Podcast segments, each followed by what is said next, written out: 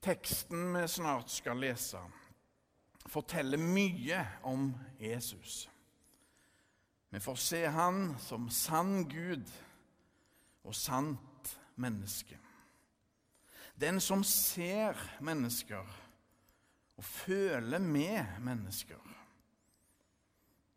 Men Jesu menneskelighet innebærer òg begrensninger. Nøden er så store, og Jesus er bare én. La oss høre Herrens ord. Det står skrevet i evangeliet etter Matteus. Jesus vandret nå omkring i alle byene og landsbyene. Han underviste i synagogene deres forkynte evangeliet om riket og helbredet all sykdom og plage. Og da han så folkemengdene, fikk han inderlig medfølelse med dem. For de var forkomne og hjelpeløse, som sauer uten gjeter. Da sa han til disiplene sine:" Høsten er stor, men arbeiderne få. Be derfor høstens herre sende ut arbeidere for å høste inn grøden hans. Slik lyder det hellige evangelium. Jeg fant fram her en dagen det gamle fotoutstyret mitt og jeg ble ganske varm om hjertet. For det gode Nikon FM2-kamera med linser og det hele, det var der. Oppi bagen. Ikke åpna på ei stund. Et analogt kamera. Et deilig kamera. Den gangen brukte en film og måtte sende inn til framkalling og kopiering, som det heter. Det går visst an ennå. Og så fant jeg òg disse to her. Kodakrom. Kodakrom. Kvalitetsfilm fra Kodak. To eksponerte lysbildefilmer altså to brukte filmer, men som ikke kan fremkalles. Bildene ligger der, men framkallingsprosessen fins ikke lenger. Jesus vandrer omkring. Det er i realiteten Guds kjærlighet som vandrer omkring i alle byene og landsbyene. Sjølve godheten går omkring og gjør godt. Sjølve omsorgen og medfølelsen. Men det virker samtidig som om Jesus har en fortvilelse i seg over all den nøden, den, all den nøden han ser det han ser, framkaller en vond magefølelse hos Jesus. For nøden Jesus ser rundt seg, gjør at Jesus får inderlig medfølelse med dem, for de var forkomne og hjelpeløse, som sauer uten gjeter, leste vi nettopp inderlig medfølelse. Ordet som er brukt på gresk, betyr egentlig å få vondt i magen, siden magen ble regna som et senter for følelsene. Både angsten, forventningen og medfølelsen sitter der. Og utenom lignelsene brukes det greske uttrykket bare om Jesus. Det er Guds sønn, vår Herre.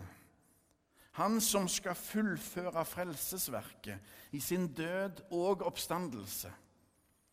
Det er Jesus i egen høge person som vandrer omkring i nøden og får vondt i magen av den nøden han ser.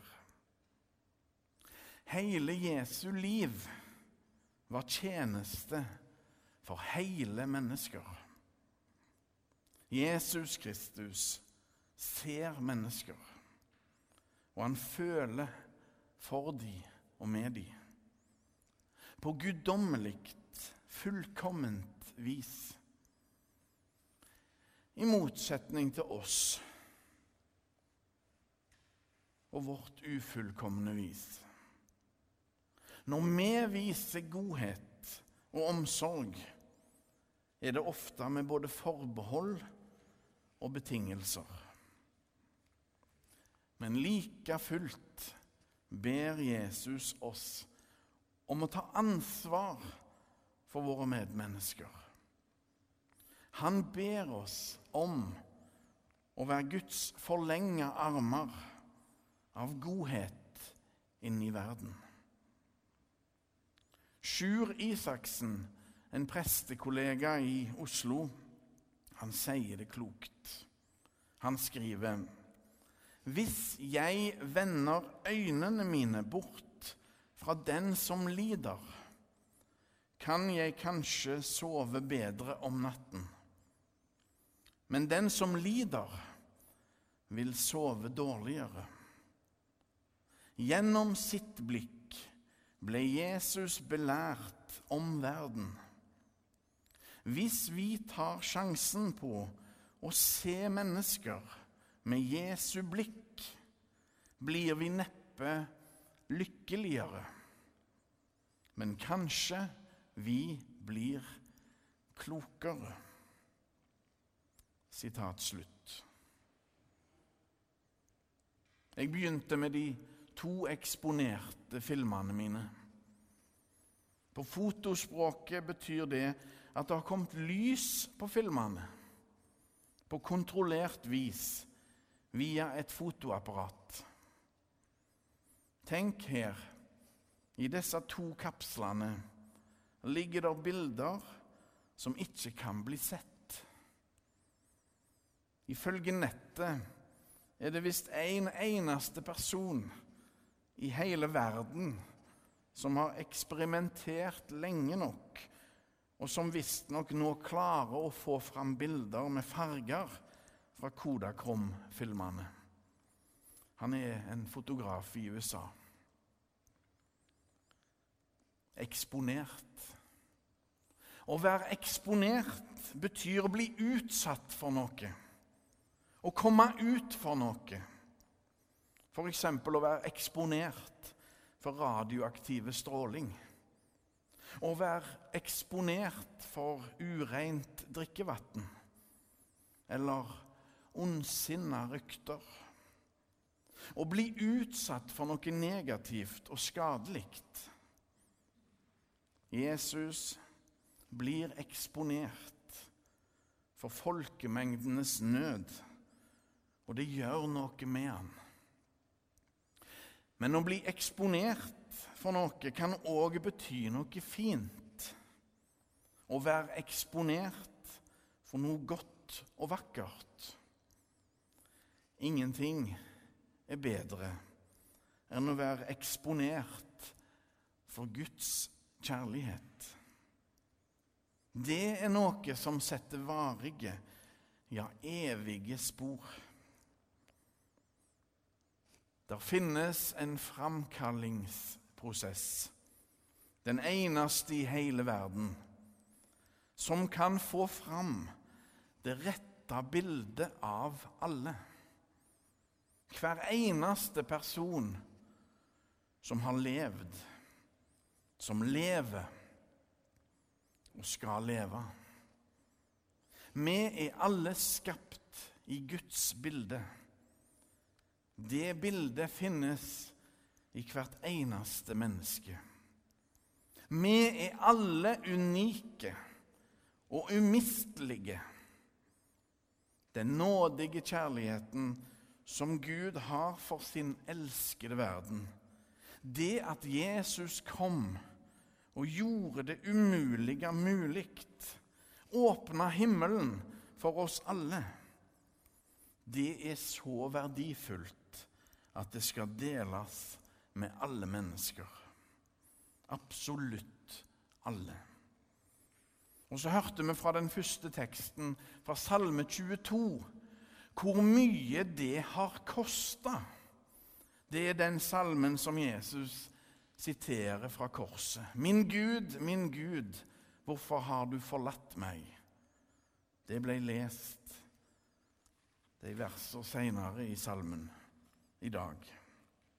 Det har kosta mye, men det funka. Den kjærligheten Gud har for alle mennesker, den gjelder alle, absolutt alle. For ingen er for onde eller for ubetydelige. Guds kjærlighet skal deles med alle. Jesus er både sann Gud og sant menneske. Og samtidig utfordrer han oss til å være med og bidra med det vi kan. Inderlig medfølelse. Det er det Jesus har for alle de som strever i livet. Enten det er på den måten eller den måten. Bare Guds kjærlighet kan gi det rette bildet. Nøden er så store, og Jesus var bare én. Men ved sin lidelse og døde oppstandelse har Jesus gjort oss til sine søsken, Guds barn. Og vi er mange. Alle menneskers liv er verdt å ta vare på, er verdt å ha nød for og ha inderlige medfølelse med. For Jesus har vist oss at vi alle er verdt å dø for. Det uframkalte skal framkalles. De usynlige skal bli synlige. De uverdige og ynkelige skal løftes opp. Vi har alle store verdi i Guds øyne. De forkomne og hjelpeløse har en redningsmann, et håp som bare finnes ett sted i Jesu nåde, Guds kjærlighet. Dagens tekst viser tydelig Jesu omsorg for alle som trenger hjelp. Og Jesus kan hjelpe. Han er de hjelpeløses hjelper. Jesus Kristus er de håpløses håp. Be derfor høstens Herre sende ut arbeidere, sier Jesus. Utfordringen er todelte. Vi skal både be og sjøl være Guds arbeidere. Vi er alle gjort frie. Frie til å tjene. Ære være Faderen og Sønnen og Den hellige ånd, som var, er og blir en sann Gud fra evighet og til evighet. Amen.